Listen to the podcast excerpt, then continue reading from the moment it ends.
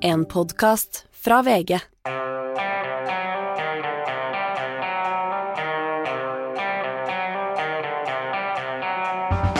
Ikke visste jeg at alle disse dagene som kom og gikk, de var selve uke to.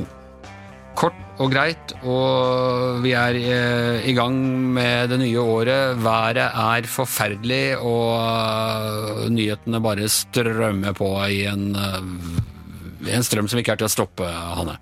Ja, det er sant, og Jeg har aldri likt januar, men den januar her syns jeg er mer utfordrende værmessig enn det jeg kan huske. Det er mørkt. Men Liker du ikke januar når det er ordentlig med snø og lyst og fint og vakkert, og det henger over grantrærne som bøyer seg eh, sakralt foran små røde stuer oppe i heia og sånne ting, eller du kan gå på ski og bare smøre med blåsviks? Du elsker å gå på ski. Jeg må si, jeg gikk på ski hver søndag i barndommen min. Jeg hata det. Nå syns jeg det er ålreit av og til, men jeg kan ikke huske sist jeg var i Nordmarka eller. Østmarka på ski for den del. Jeg liker best å gå på beina, Ja, Anders. Ja. Nei, altså jeg var sånn passe glad i det i barndommen selv, og så har jeg vendt tilbake til det. Men jeg har funnet ut det var en eller annen som sa at uh, altså, det er den eneste enkle måten å komme gjennom øh, norske vinteren på, det er å omfavne det med skigåing. Hvis du blir glad i det og gjør det, og det er vakkert og det er fint og sånne ting, så er vinteren ikke så ille. Men når det er sånn vær som nå, som det er i uh, Oslo nå, øh, da går det jo ikke an å gå på ski eller noe som helst. Nei, jeg må innrømme, Etter at jeg bikka 50, så har jeg hatt noen fjellferier fjellferier på vinteren hvor jeg har gått ordentlig på ski, og der syns jeg har vært innmari deilig. Det har gått alene i mitt eget tempo, og ikke hatt noen som maser, og som faren min alltid gjorde. da. Jeg gikk alene, for så vidt uh, alene i anførselstegn. Forrige, forrige lørdag var siste fine dagen i Nordmarka, men alene vil jeg likevel ikke si at jeg var, fordi det hele resten av Oslo skulle da benytte seg av det som var, så ut til å kunne bli den siste vinterdagen på en stund. Så jeg har aldri sett så mye folk i, uh, innover fra Frognerseteren og inn til, til Kikkut. Nå vel. eh, Du, eh, vi har, eh, vi har mange ting og flere som skal innom her og, og snakke i løpet av dagen, men jeg tenkte bare vi skulle starte litt på toppen av, av nyhetspyramiden.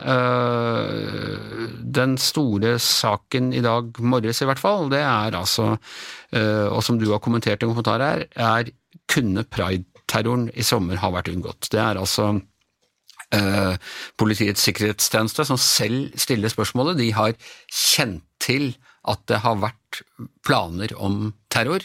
De har bare ikke visst hvem, hva, hvor eller når.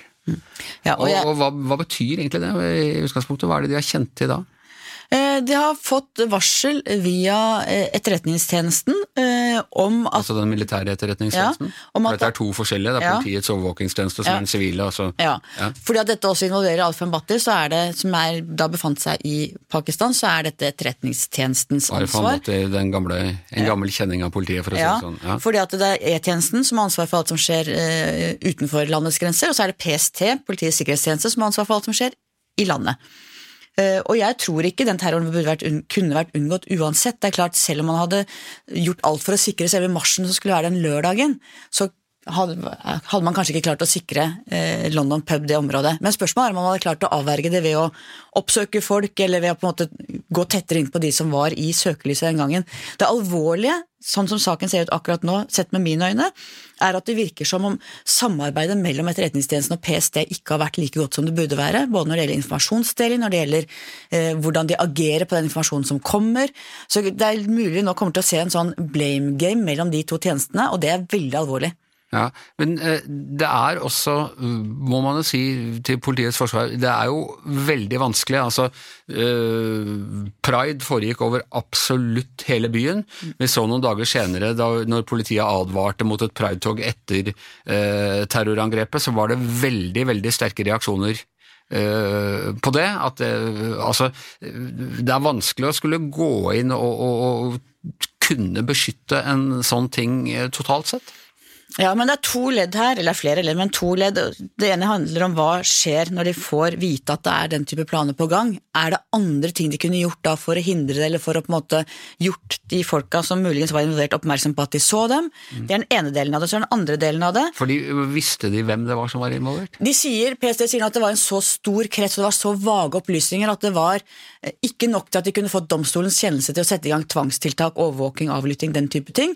Og det var også eh, fremgår det fra dem at det var så mange at det var liksom umulig å sette spanere på. For det, det å spane på én person, som de kan uten domstolskjennelse, det krever veldig veldig mange folk, så det var for stort og for vagt. Det kan hende er riktig, det vil håper håpe jeg vil få svar på situasjonen før.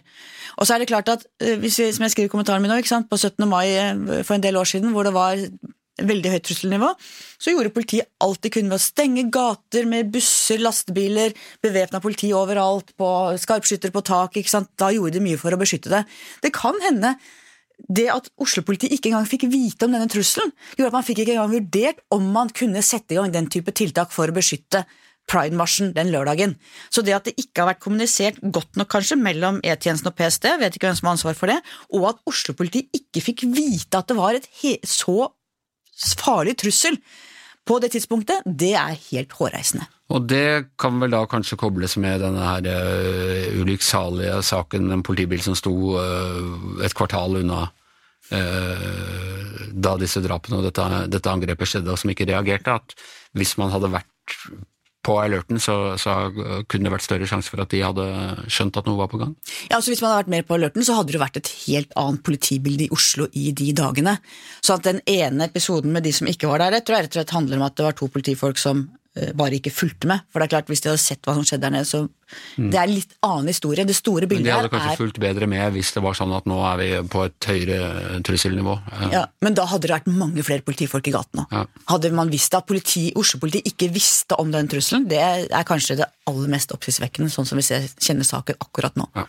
Dette kommer til å bli en større, større opprulling av, det, det er helt sikkert. Men det er jo vi har jo hatt en annen stor uh, terroraksjon uh, i Norge, og da politiet kom ikke godt ut av den heller.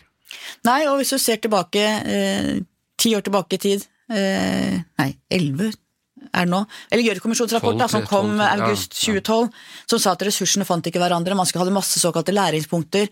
Hvis det er slik at ressursene fortsatt ikke finner hverandre, og at våre sikkerhetstjenester og politiet internt ikke klarer å samarbeide og dele informasjon på ordentlig vis, så er vi på en måte Hva har vi lært da? Ja. Og så er det viktig å si, Anders, at vi kan jo aldri ha noen garanti mot at terroren rammer oss. Det kommer til å skje igjen og igjen, men vi må sørge for at apparatet, myndighetene, sikkerhetstjenestene, alle er så godt forberedt som de kan, at det går så smooth mellom de ulike etatene som overhodet mulig. Du kan ikke ha folk som holder på informasjon, eller ikke agerer på informasjon, eller ikke gjør det de skal i den type situasjoner. Du, Vi må snakke om en annen ting. Her er det jeg som egentlig må uh, Det skjedde ting etter at vi hadde gått ut av studio her i går. Vi har snakket om uh, Joe Biden og disse gamle dokumentene. Uh, hemmeligstemplede og graderte dokumenter som ble funnet på kontorer han hadde brukt da han var visepresident. Jeg unnskyldte Biden litt her i går da vi snakket med Per Olav om det, for vi sammenlignet dette med Trump som hadde tatt eh, sine graderte dokumenter ned til Mar-a-Lago, og de hadde ligget i noe rom rett ved siden av uh, alle disse rare fundraise eraser-greiene han har der nede, og sa etterpå at, eh, at han, hadde, han, kunne nedgradere disse dokumentene, og dessuten tilhørte han, bla, bla, bla. bla. Og det jeg sa at var litt forskjell at det hadde blitt liggende igjen papiret på et kontor du har benyttet, Eh, og det å ta det hjem. Så viste det seg altså, da vi kom hjem og Magne hadde lagt ut eh, podkasten og alt var for seint, at um, også Joe Biden har tatt med seg graderte dokumenter hjem, og de har stått i en kasse i garasjen hans nede i Wilmington. Så vi får vel bare si det at han har åpenbart vært like sloppy, sloppy Joe som, som sloppy Donald. Ja, og det er så dumt, Anders, og det er liksom bare å eh, det er dumt i seg sjøl, og så gjør det også at du liksom eh, Trump og de folka får masse ekstra eh, ammunisjon. Selvfølgelig! Ja, Dette her kommer de til å kose seg med lenge på Foxnes. Jeg vil fortsatt si uh, at det er noe forskjell i deg reaksjonen. Uh, altså, Bidens administrasjon har da oppnevnt en uh, som, dommer som skal etterforske dette, og den dommeren er da en av de Trump utnevnte. Mens, mens Trump ja, kjempet imot enhver liksom, undersøkelse av, av, sine forhold. Så det er, det er litt forskjellige holdninger her fremdeles.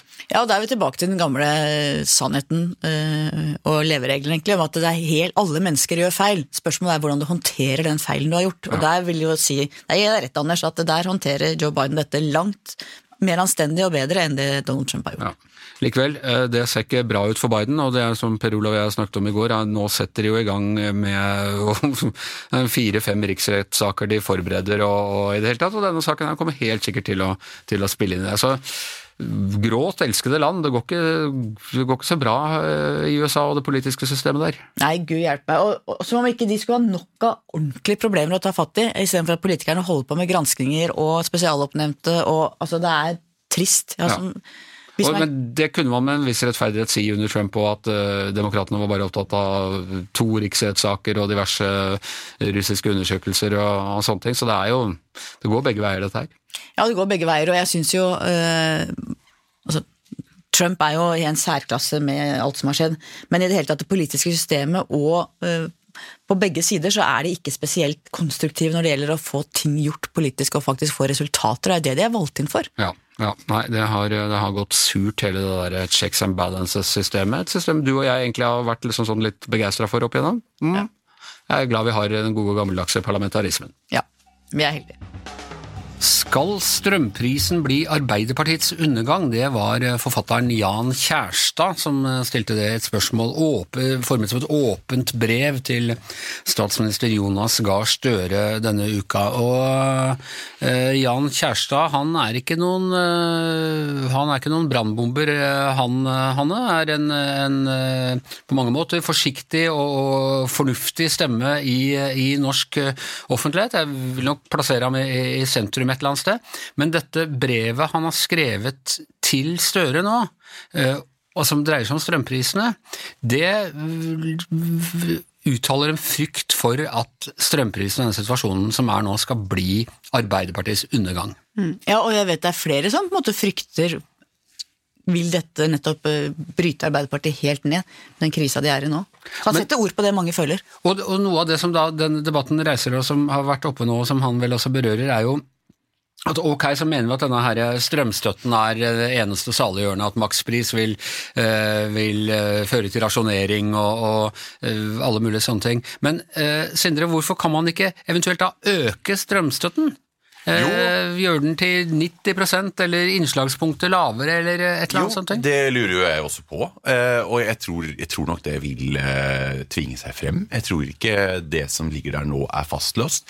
Nå har jo regjeringen kommunisert at strømstøtten som ligger der i dag, eller strømkompensasjonen som mange ville kalt det, fordi det er jo bare deler av de enorme inntektene til det offentlige som går tilbake til folk flest, regjeringen har sagt at den varer ut 2023. Det tror jeg faktisk mange velgere ikke har fått med seg engang. Og, og, ja, hva tror du velgerne tror om det, da? Nei, De har vel fått med seg at ok, den varer vel ut vinteren, da. Ja. Eh, og det, jeg ser ikke problemet med å justere litt på den. Det ligger jo en ordning der allerede. Det går an å dra i spakene. F.eks.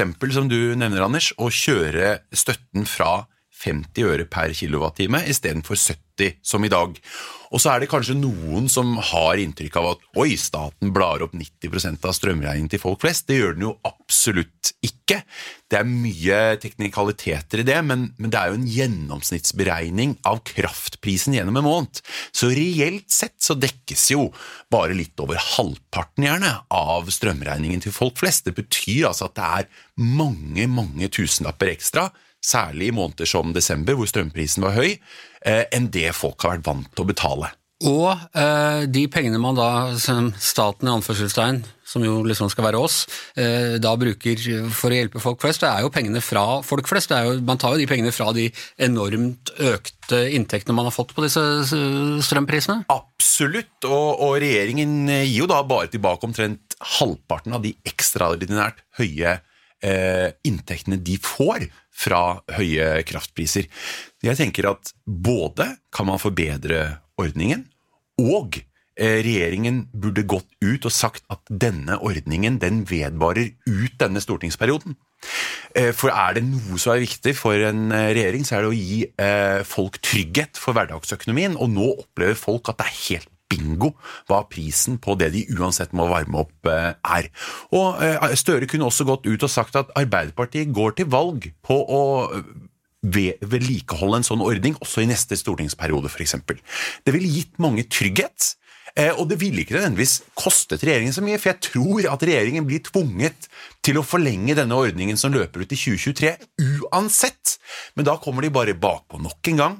Da viser de ikke initiativ, da kommer de etter begivenhetene, istedenfor å nå ta tyren ved hornet og, og, og, gi litt mer trygghet til folket ved å allerede nå gi en garanti for at det i hvert fall er et slags gulv for hva folk må ut med. Ja, eh, Hanne, politisk sett, det burde ikke være så vanskelig å få til dette som Sindre skildrer her? Eh, jeg er enig med Sinne eller det å forlenge det på en måte i trygghet for at dette, så lenge de prisene er høye, eh, og si at vi har det ut stortingsperioden nå, kanskje også gått til valg på det. Men altså det, den ordningen som er nå? Som er. Men, men, det å skulle justere på den med at man får mer støtte Dette er bare et spørsmål til deg, Sinne, du er økonom, det er ikke jeg. Men vil ikke det bety nå øker man renta for å dra inn kjøpekraft for å temme inflasjonen? Hvis man da på den andre siden eh, ga mer strømstøtte som gjør at det kom mer penger ut, samtidig som man drar penger inn via renta. Vil ikke det motvirke den effekten Norges Bank prøver å få ved å temme renta med å øke rentene? Jo da, altså alle... Temme inflasjonen, unnskyld, med å, ved å øke rentene. Ja, ja, altså alle ekstra utgifter bidrar jo på marginen da, eh, til økt inflasjon. Men regjeringen kan jo bare velge å prioritere statsbudsjettet. De kan kutte i andre utgifter. De kan øke skattene. Så de kan jo fint få det til innenfor rammene. Og jeg tror de må eh, anerkjenne også at eh, dette er folk opptatt av. Jeg tror det ikke er mulig å overvurdere hvor viktig strømprisene er for regjeringens elendige oppslutning.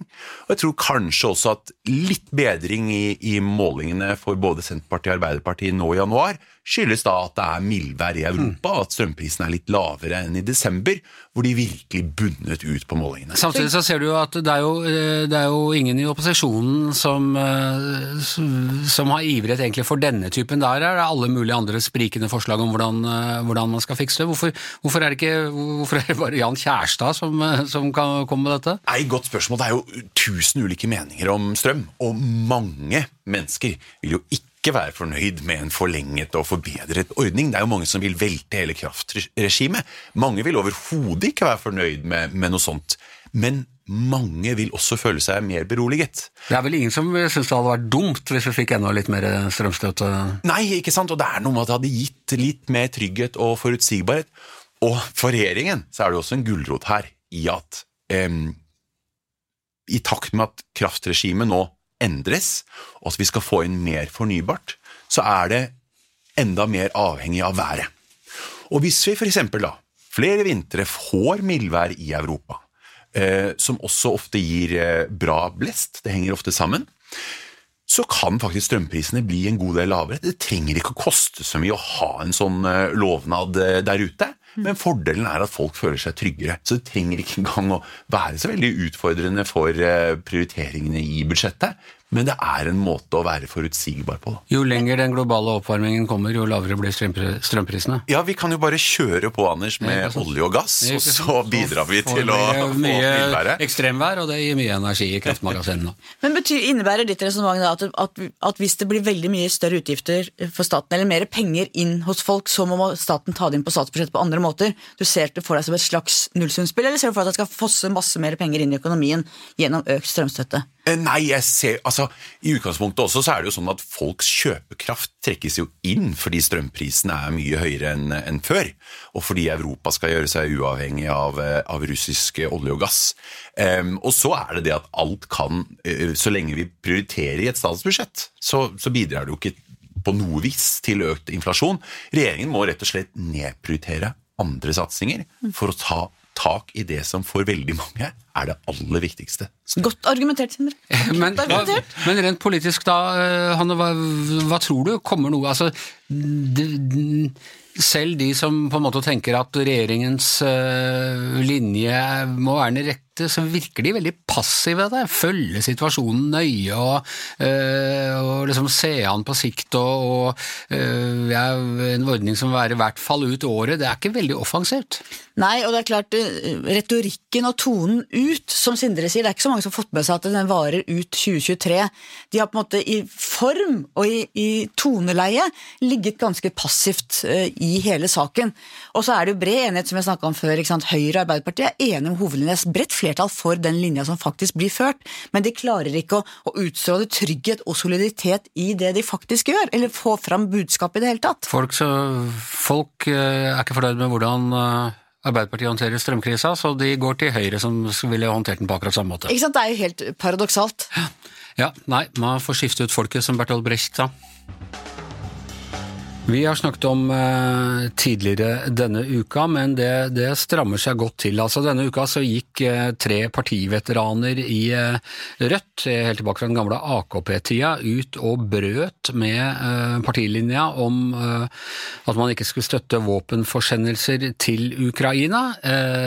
de sa rett ut at dette er naivt, det er brudd med partiets tradisjon om å støtte, støtte små land i, mot imperialistiske overgrep overgrep fra, fra store eh, imperialiststater, og de ba partiet holdt på å si, ta rev i seilene, de ba partiet rett og slett skifte standpunkt. Det eh, har vi snakket om litt eh, allerede, eh, håper jeg, og da som litt sånn eh, et partikulturelt fenomen, og litt sånn nerdete fra vår side fordi vi interesserer oss for sånne ting. Men etter å ha fulgt eh, debattsiden i Klassekampen denne uka, så begynner jeg å lure på, eller du og flere har reist spørsmålet, kan dette gå mot en sprekk i partiet, en splittelse i partiet på, på landsmøtet til våren? Svaret på det eh, er vel egentlig ja. Uh, og det sier også folk som jeg snakker med, som er på en eller annen måte tilknytta det partiet. Og det har jo noe med at det er to helt diametralt motstridende syn som kommer til torgs her, da. Uh, og de er så utrolig uenige om noe som er så fundamentalt og så eksistensielt i vår tid. Uh, så kan det ende opp med et, et, landsmøte hvor det blir full baluba, full krangel. Og da har man, har man jo sett før på ytterste venstre i Norge at at noen har marsjert ut fra landsmøtesalen, og plutselig så har vi sittet her med et nytt parti. Den mest berømte historien som alltid trekkes fram, er jo i kommunistisk ungdomslag som ble splitta på landsmøtet og dro til hvert sitt nye landsmøte i hver sin drosje. Ja, det var altså det såkalte KUL. Det var der Gerd Liv Valla hadde sin politiske barndom. Uh, ja, og det skjedde jo også i forhold til da AKP-ML, som jo er da partiet som Rødt har vokst ut fra, uh, da de brøt i sin tid ut fra Sosialistisk Folkeparti, altså det som i dag kaller SV. Mm. Så skjedde det på litt samme måten. De, de eh, bare reiste på et, et møte, landsmøte, og bare marsjerte ut. Og, mens de sang Internasjonalen? Mens de sang Internasjonalen og holdt eh, kny, knyttneven høyt heva. Ja. Så at, eh, men om det skjer altså, det som, jeg, det som jeg synes er veldig Det, altså det, det å lese lesebrevspalten i Klassekampen eh, når det drar seg til i utenrikspolitiske spørsmål, er alltid helt det som en For, for sånne som oss, som, som, du omtaler som nerds, så er jo det en fest. fordi da dukker jo opp eh, Det her er jo kranglefan, det er jo vriompeiser som, som er i det partiet der. Og de elsker jo å krangle seg imellom, og de elsker å bruke ganske store ord. Eh, og det ser vi også nå.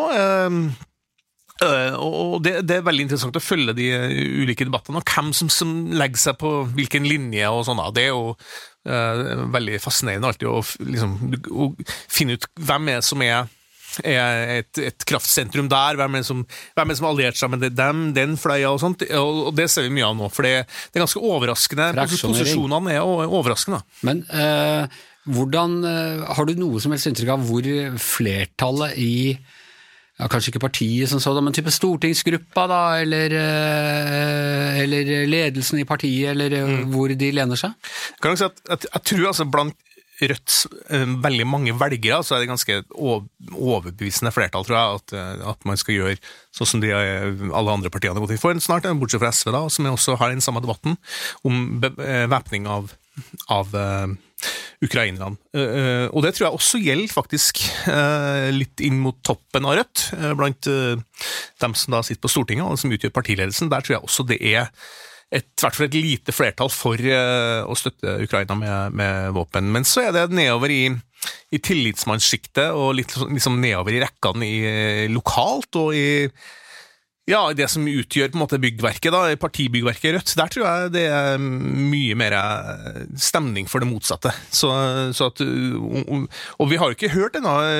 Partilederen har ikke vært ute og, og flagga sitt syn. Han er glad for det. Eh, ja, det lønner seg å ligge litt rolig her og se hvordan det her utvikler seg. Så får vi nå se. Jeg, jeg, det, det, det, som er, det, som folk glemmer litt når vi snakker om Rødt, sant? det er jo at det er ikke, det er ikke et vanlig parti, det her, sånn som eh, mange tror. Altså det, er, det, er, et parti som har vokst ut fra en helt spesifikk bevegelse, som hadde helt spesifikke og helt sære og helt ville eh, mål.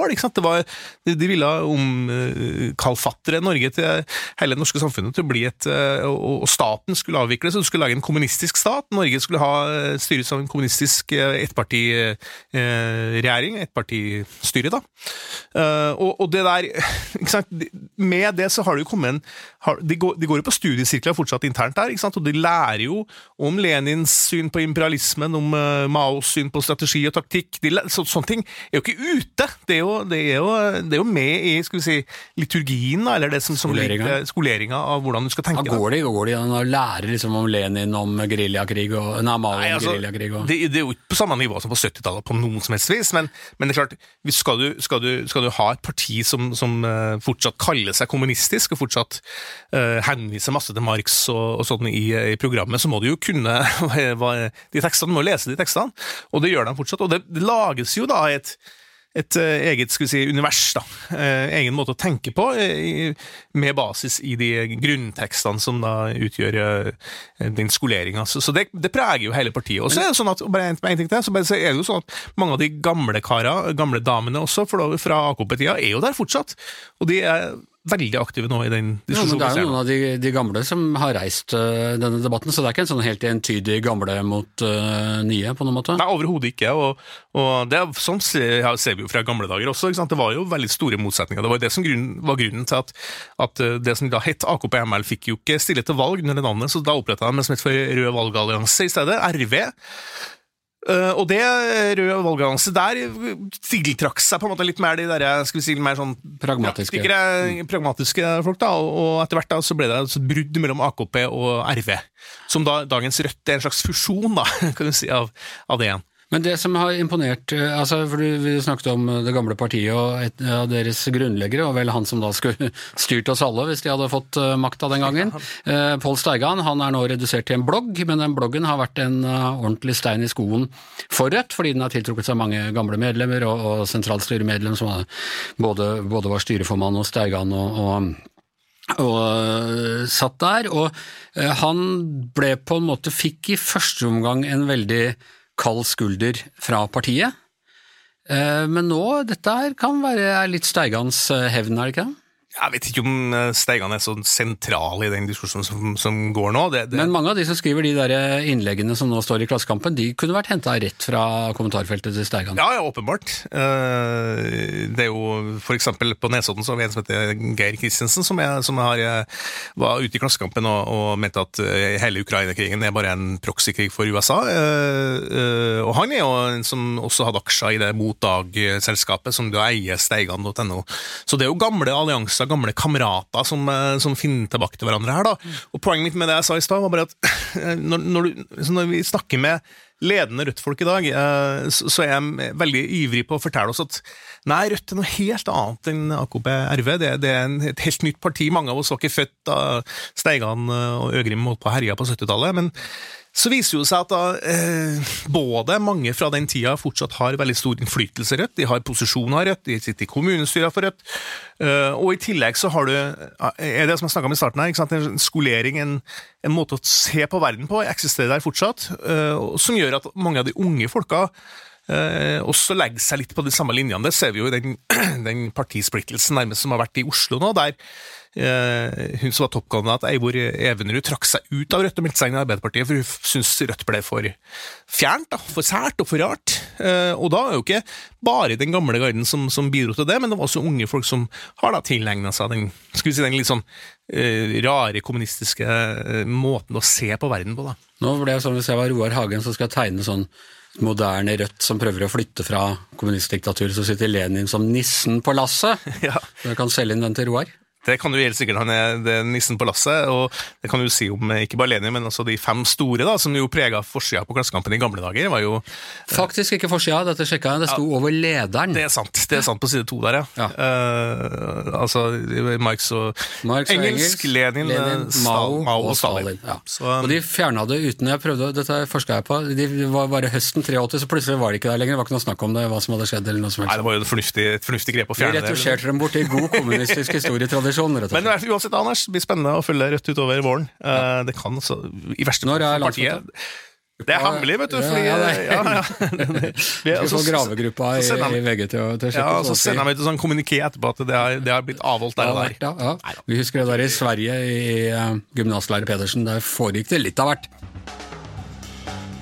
For alle som når de har vært i London eh, har vært innom British Museum, det jeg tror de fleste har eh, som, som har vært i London, Yngve, det var liksom British Museum og Madame Tussauds Ja, ja, absolutt. når vi, når vi, de første gangene vi kom til London. Ja, Noen av oss gikk også opp til Abbey Road. Ja.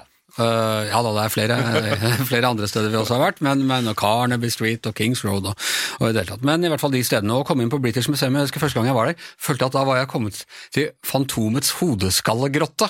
Ja, helt, ja. Fantomet hadde liksom alle sånn Kleopatras uh, hårbånd og uh, Alexander den store sverd og, og sånne ting. Og sånn er det nesten på Britisk museum. Det er altså skatter og, og ting fra hele verden. Nei, nei, det er jo, det er jo øh, noen som har kalt det verdens største samling av tjuvgods. Og til en viss grad så er det jo sant, for det er jo en del ting som er der som ikke er skal vi si, erverva på, på en riktig, på på riktig måte. Men samtidig så er det også en del ting som er, er der, som også er for så vidt kontroversielt, men som nok øh, altså har blitt brakt dit. Uh, enten i kolonitida eller av, tatt av en krigsherre, som også har gjort at de gjenstandene er blitt bevart. Ja. For at det kunne nok ha blitt ødelagt i enten en krigssone det befant seg i, eller at det har blitt eh, ødelagt av en senere makthaver som ønska å fjerne alle spor og sånt. Og som man også Eller rett og slett ikke bare tatt ordentlig vare Eller ikke ble tatt vare på, ja. Ja. Så, og, ja. Men altså, jeg vet jo øh, Jeg er jo spesielt opptatt av sånn type påskeøya og, og, og sånn. De hadde en av de aller flotteste moaiene uh, sto der. Det var den siste som sto oppreist på påskeøya uh, av, av, av de gamle sånn uh, steinhodene. For noen år siden så begynte påskeøya å, å få, få tilbake ting. Og, og vår, vårt eget kongepar var jo faktisk på påskeøya og leverte tilbake ting fra Kon-Tiki-museet, blant ja, det De var ikke levert tilbake, i og for seg, men de skrev under en sånn tale, avtale, seg en avtale om at det skal tilbake. Det var i mars 2019. dette her. Ja, De hadde det ikke med seg, nei. Og da Litt derfor- for... i tegnstudiet. Det ble mye for kongen. Ja, og så er det snakk om, du, vet, altså da Heyerdahl var på Påskeøya i 55 og 56, og han tok med seg nesten 5000, mellom 5000 og 6000 gjenstander med stort og smått. da. Eh, og det er alltid fra hodeskaller og, skjelett og, og steiner og våpen og bruksgjenstander og sånne ting. Så, så det, det er veldig mye, da. Og, og, uh, Han men- fikk det, står i boka. ja da. Og det er ingen grunn til å betvile det. Uh, og, men ikke sant? kanskje de ikke visste verdien av det, eller kanskje de ønsket, ja, Dette vet man jo ikke noen ting om i dag. Uh, hva som var beveggrunnen for å gi det fra seg. Men nå har de i hvert fall ønska å få det tilbake fordi at de er i ferd med å bygge et fantastisk nytt museum på Påskeøya. Uh, Chilenske stat har gitt flerfoldige millioner kroner for å, for å, for å bygge da, et spesialmuseum der. og det uh, ja, uh, Og så er det jo naturlig, ja, det er jo der det hører hjemme. Hvis alle de norske vikingskipene hadde, hadde liksom ligget i Frankrike, eller noe sånt, så hadde vi syntes det var litt surt, vi, vi også. Ja da, og det, men det er klart at dette er jo da dette dilemmaet da, som man står oppi. At, at ja, på den ene sida så er ting blitt bevart for at de er frakta bort fra uh, dette stedet hvor de da har oppstått, eller blitt laga, eller noe. Eh, men så har det jo kommet nye tider, og man ønsker da i stor grad å, å repatriere som heter, altså veldig mye av dette materialet. Og det er da, altså nå har det øh, gjennom hele desember og sånne ting, og det er jo, det er jo forhandlinger på virkelig sånn høyt eh, diplomatisk eh, nivå, hemmelige forhandlinger, og det dreier seg eh, særlig om noen skulpturer fra, noen marmorskulpturer fra, fra Akropolis, som nå er på Britisk museum. Ja, ikke bare noen marmorstatuer, altså det er jo snakk om en del av hovedutstillinga til British Museum, de såkalte Elgin Marbles, som er marmorskulpturer. Det er en svær sånn del av en sånn frise, altså en sånn utsmykning da, som da lå rundt og på sida av Parthenon-tempelet på Akropolis, pluss da tre andre tempel. Eh, Det er snakk om, altså det, det er to tredjedeler av, av skattene fra Akropolis er ikke i Hellas. De er enten på British Museum eller i Louvre eller i Tyskland. eller eh, i- Noe har vært i Vatikanet, og noe har vært i Palermo. Men nå skal de bring it all back home, som Bob Dylan sier. Ja, fordi at, uh, som du sier, det har vært hemmelige forhandlinger nå en stund mellom uh, George Osborne, som er styreleder for British Museum og tidligere også finansminister og, og utenriksminister i Cameron-regjeringa. Uh, han har rett og slett hatt møter med Kyriakis Mitsotakis, som er, som som er statsminister i, i Hellas. Uh, de to jeg lurer på om de kjenner hverandre fra før. altså De er konservative politikere begge to, omtrent samme generasjon. Så det har nok vært et, uh, en bra, vært på leir, bra sånn, match. Sånn leir. Men det er jo ikke en bra match mellom de to som har gjort at de har vært, uh, funnet, funnet, en bra tone. for Det hører også med til historien at er det noen som virkelig har motsatt seg at disse Elgin Marbles skal utleveres fra Storbritannia, så er det jo britiske konservative politikere. De har jo hatt en lang rekke med med statsministre, inklusive David Cameron, som sa blankt nei. Og den siste var jo da Boris Johnson, som noe av det siste han gjorde, var å sende statsminister eh, Mitsotakis hjem med uforretta saker fra Downing Street. Men hva, eh, denne løsningen som nå skisseres, hva er det den går ut på? For det går ikke på at British Museum mister dette for evig alltid? Nei, de har jo funnet en sånn smart løsning. At det, da, det skal være på utlån til et uh, nytt uh, nasjonalmuseum som er bygd ved siden av, altså ved foten av, av Akropolishøyden. Uh, ble bygd i 2009. Og Det er laga på en sånn måte at altså det har det store vinduet mot Akropolis, og der kan de da sette inn disse frisene og disse skulpturene da, som er da Eh, i sin tid tatt derifra og brakt det til British Museum, og som man har håpa å få tilbake. Tidligere har det vært blant annet sagt at um, Hellas har ikke noen mulighet til å ta vare på dette, og de har ikke noe egnet museum og sånt, som selvfølgelig er bløff, men nå har de spesialbygd et museum for å ta det imot. Så liksom alle de argumentene om at grekerne ikke er i stand til å ta vare på sin egen kulturarv, liksom altså Det argumentet er like mye verdt som greske drakmer. kan si. Altså det, de har lagt alt til rette for å få den tilbake. så det Egentlig var det bare snakk om den politiske viljen da fra, fra Storbritannia. og Nå har de laga en sånn langvarig utlånsavtale da, som gjør at de skal få låne sine egne de skal få låne sin ja, egen kulturarv. Ja. Og så skal da britene til gjengjeld få tilgang til en del eh, greske magasin og, og deponi for for tilsvarende artefakter, og så skal de også få faktisk da de Eller få låne de eksakte kopiene som er laga, og som da har stått da tidligere på utstilling i i Hellas. Da. Men Betyr dette i realiteten at British Museum etter hvert bare vil bli fylt av sånne gipskopier av øh, og kitsch, mens Nei, alle det, verdens land får tilbake Det tror jeg ingen fare for. Altså, de, de replikkene som de får tilbake, eller som de får da i slags retur fra Hellas, det er øh, tilsvarende marmor. Marmorskulpturer, eksakte kopier. Uh, I tillegg så får de jo beholde noe, nær sagt, men uh, det er også snakk om at de skal da ha en, sånn, en, en utstilling som er litt sånn rullerende. Men i, og, i tillegg så har de jo enormt mye som de har for så vidt også fått tilgang til på, på lovlig vis. Når det gjelder disse Elgin Marbles, så er det jo spørsmålet der er jo liksom sånn fikk han lord Elgin, som da var eh, ambassadør til, til, det ottomanske riket, som da styrte Hellas, fikk han de her greiene, eller kjøpte han dem, eller, eh, eller bare tok han det med seg? Og da har jo historien vært at jo, han, han kjøpte det, og det har liksom vært vist til en, eh, en eh, kontrakt. Den originalkontrakten er det ingen som har vært i stand til å, å finne. og senere transkripsjoner av eh, andre dokument viser at eh, ja, den eneste form for handel som egentlig foregikk, det var vel at han bestakk en del ty, eh, ottomanske, tyrkiske tjenestemenn for å se en annen retning når han hogg ned, kakka ned de frisene og, og, og statuene.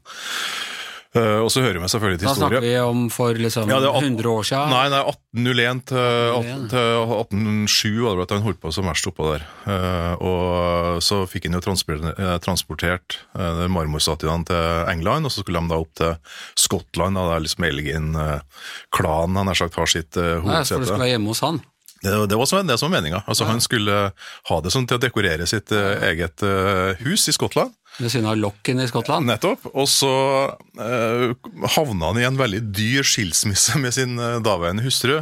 Sånn at eh, han hadde ikke råd til å sitte på dere Ble nødt til å ja, selge ja. elgen. Så det han hadde da Han hadde altså brukt 80 millioner kroner, tilsvarende vår altså verdi i dag, til å få hakka ned disse statuene, transportert dem til England og skulle da sette dem opp i Skottland, og så så han at det her gikk ikke. Og så solgte han det til den britiske stat da, for under halvparten av det han hadde betalt da, for, å, for å erverve dem. Så, men nå skal de altså hjem igjen? Ja, nå skal de hjem igjen. Ja, og det, det er bestemt, det nå? Det altså, det, det sies at uh, uh, en eller annen myndighetsperson på øverste hold, antageligvis statsministeren, må gi grønt lys. Men i og med at kontrakten eller avtalene er i praksis ferdigforhandla, og det er nå også blitt kjent at det her skal gjøres, så vil jeg tro at det skal veldig mye til til at Rishi Sunak eller noen andre sier nei. og Dessuten så er det jo veldig tydelig at hele styret i British Museum har vært med på dette. her, og det er, også, det er jo faktisk en debatt som har gått siden 1833, mm. eh, da Hellas gjorde sin første formelle henvendelse om å få tilbake dette her. Og siden 1983 så har det vært en, en pågående diplomatisk feide mellom Storbritannia og Hellas uh, om å få det tilbake, og nå ser det ut til at det går i orden. Og dette kommer til å, til å ende med at Fantomet også antagelig må gi fra seg Alexander den store strone. Har vi i Norge, bortsett fra det som var på Kon-Tiki, det er vel ting på sånn etnografisk museum og sånne ting som strengt tatt ikke akkurat kommer fra jo, men jeg tror at nå er det stort sett rydda opp i dette. her. Altså, Vi har jo hatt noe veldig ugreie ting med at vi har beholdt uh, hodeskaller og ting fra den samiske befolkninga. Ja, ja. Uh, også, men, men, men sånn det var et krympehode på Etnografisk museum ja, da jeg var liten, ja, jeg, som jeg ja, så på i Horrid Fascination. Ja da, også, og hun uh, Hva het igjen hun uh, Jul, Julie, var det? Julia? som den skjeggete damen. Ja, ja, hun, ja, apekvinnen. Ja, apekvinnen, ja. Så hun har jo også fått en, en på å si kristen begravelse. De hadde, så det er gjort veldig, veldig bra opprydningsarbeid der. Uh, Norge uh, har jo en del krav, utestående krav til spesielt Danmark. da. Ja. For vi har jo en del gjenstander fra, fra vikingtida som står der. Ja, og noen drikkehorn og noe greier. Og, og, det var jo veldig mye styr. Du må få tilbake den der runebomma. ikke sant? Du må få den tilbake til, fra Det kongelige skattkammer i København og få det til til, til Norge. Det ble, jo, det ble løst. Ja, ja. Ikke så langt unna. Men, men, eh, så har du sånne Benin-bronsene, f.eks., som er noen sånne verdifulle bronsegjenstander. Og de er plyndra. Der er, liksom, der er ikke noe tvil. De er plyndra av, av briter fra dette um, slottet i Benin, daværende kongehuset Benin, altså i Nigeria. Uh, og der er jo nå også en tilbakeføring uh, på gang, da. Så ting skjer. Ok, ok. Eh, alt, alt, skal tilbake. Nasjonalstatene styrker seg. Eh, globalismen er, ligger på sotteseng, får vi si. Da nærmer det seg slutten. Her er slutt-trudelutten, som de sang i den gamle Mummi serien på TV da barna mine var eh, små, men vi må minne om at det er, eh, det er masse gode Det er ekstra mange gode tilbud på podkast fra, fra VG denne helgen, Hanne. For det første så skal du ha en ny eh, episode av din podkast eh, Skartveit, og hvem er det du har som gjest nå? Det er Marianne Martinsen, tidligere stortingsrepresentant for Arbeiderpartiet. Mange hadde nok ment at hun hadde passet veldig godt til å være finansminister, men hun har trukket seg helt ut av politikken nå. Vi snakker om inflasjon og rente og verdensøkonomi, så snakker vi om kunstig intelligens. Hva betyr det både for sikkerhetspolitikken, for tryggheten i verden og for økonomien? Betyr det f.eks. i en winner takes all-økonomi, som det kommer til å bli antagelig enda sterkere, hvordan skal vi fordele? Snakker vi om borgerlønn? Hvordan skal dette løses? Veldig spennende samtale med en spennende dame. Hun ble jo skvisa ut som uh, finanspolitisk talsmann av uh, årets trondhjemmer, eller fjorårets trondhjemmer. Uh, snakker dere noe om det? Nei. Nei. Ikke noe Det her er det bare saklig Det er bare saklig. Ja. Veldig nerdete, Anders. Ja, ok. Du, slå meg, er det bare damer som får komme i denne podkasten din? Det har jeg ikke tenkt på, det er det kanskje? er det, Bør ikke du ha noe altså Jeg har alltid fått høre sånn når jeg var reportasjeleder i gamle dager og sånne ting, hvis jeg, hvis jeg ikke hadde noen noe damer, så var det sånn du mangler en du mangler en kvinne i miksen, sa min sjef Hege Duckert alltid til meg. Uh, si til deg at du mangler en mann i miksen her. Kanskje mangler vi en mann i miksen, Magne? Jeg veit ikke, dette må vi tenke på. Ja, ja. Nei, det er mange interessante menn, og mange menn som får mer og mer innflytelse og makt her i samfunnet som kan være interessante. Jeg er nok ikke flink til å tenke laget bak. Jeg tar de som først faller meg inn, ja. og da er det kanskje damene på krig og fred og sånn. Så jeg må kanskje grave litt dypere i bunkene og se om jeg finner en mann nå. Ja, ja, for det er lett å få Jens Stoltenberg, kanskje? For eksempel. Han har kommet veldig langt, og, det, er masse, det, er masse, menn hvis du først gidder å lete litt. Ok, jeg skal lete grundig, Anders. Jeg, jeg ikke hadde noen kvinner i miksen. Ok, uh, jeg, må, jeg må nevne én podkast til, som er laget i et samarbeid mellom uh, blåser jo lytterne i, men, uh, men, altså vi er flere avdelinger her i VG. Podkastavdelingen som, som, Magne og jeg tilhører, og så er det en avdeling som heter Dagsorden, som står for de større gravesakene. Og de har laget en helt utrolig podkast nå, som også følges opp med, med, med, masse artikler og sånne ting, som heter um, Stjålet barn til salgs den tar utgangspunkt i eh, en skandale eh, tilbake helt på, på slutten av 80-tallet eh, om adopsjon av barn fra Sør-Amerika. De har gått tilbake, fulgt opp noen av de sakene, og den er Eh, brutal, og den er utrolig spennende, og de finner ut eh, masse ting underveis, som jo er blitt litt den derre podkastundersøkende eh, greia, at, at liksom man får et innblikk i den journalistiske eh, metoden, og den har en helt fantastisk fin eh, avslutning. og Jeg gikk rundt eh, Akershus festning her om dagen og hørte på den, og da var jeg ganske klam i øyeløy under øyelokka da, da, det hele var over. Ja, den er helt fantastisk. Jeg har hørt den, ja, Anders. Og det er både det sterkt menneskelige, med veldig sterke historier, og så er det også systemsvikt. Ja. Og, og, ja, den kommer til å få, Det blir ikke noe enkeltstående sak, den kommer til å utløse uh, mange ting, uh, denne saken. Og det er det store uh, rigget i, i, VG i helgen. Og jeg vil være Jeg vil påstå at å høre den podkasten først, det er en veldig god inngang til, til dette. Absolutt. Anbefales. Og med det så er uh, Giæver og gjengen over for uh, i dag. Og hvem er det som har vært innom igjen, da? Bortsett fra deg, Hanne Skartveit, så er det jo Sindre Heierdal, det er Hans Petter Sjøli, det er Yngve Kvistad, selv heter jeg Anders Giæver, og mannen som tar med seg alle de hemmelige dokumentene vi produserer i løpet av sendingen hjem og har dem i en veldig, veldig, veldig trygg garasje, det er som vanlig produsent Magne Antonsen.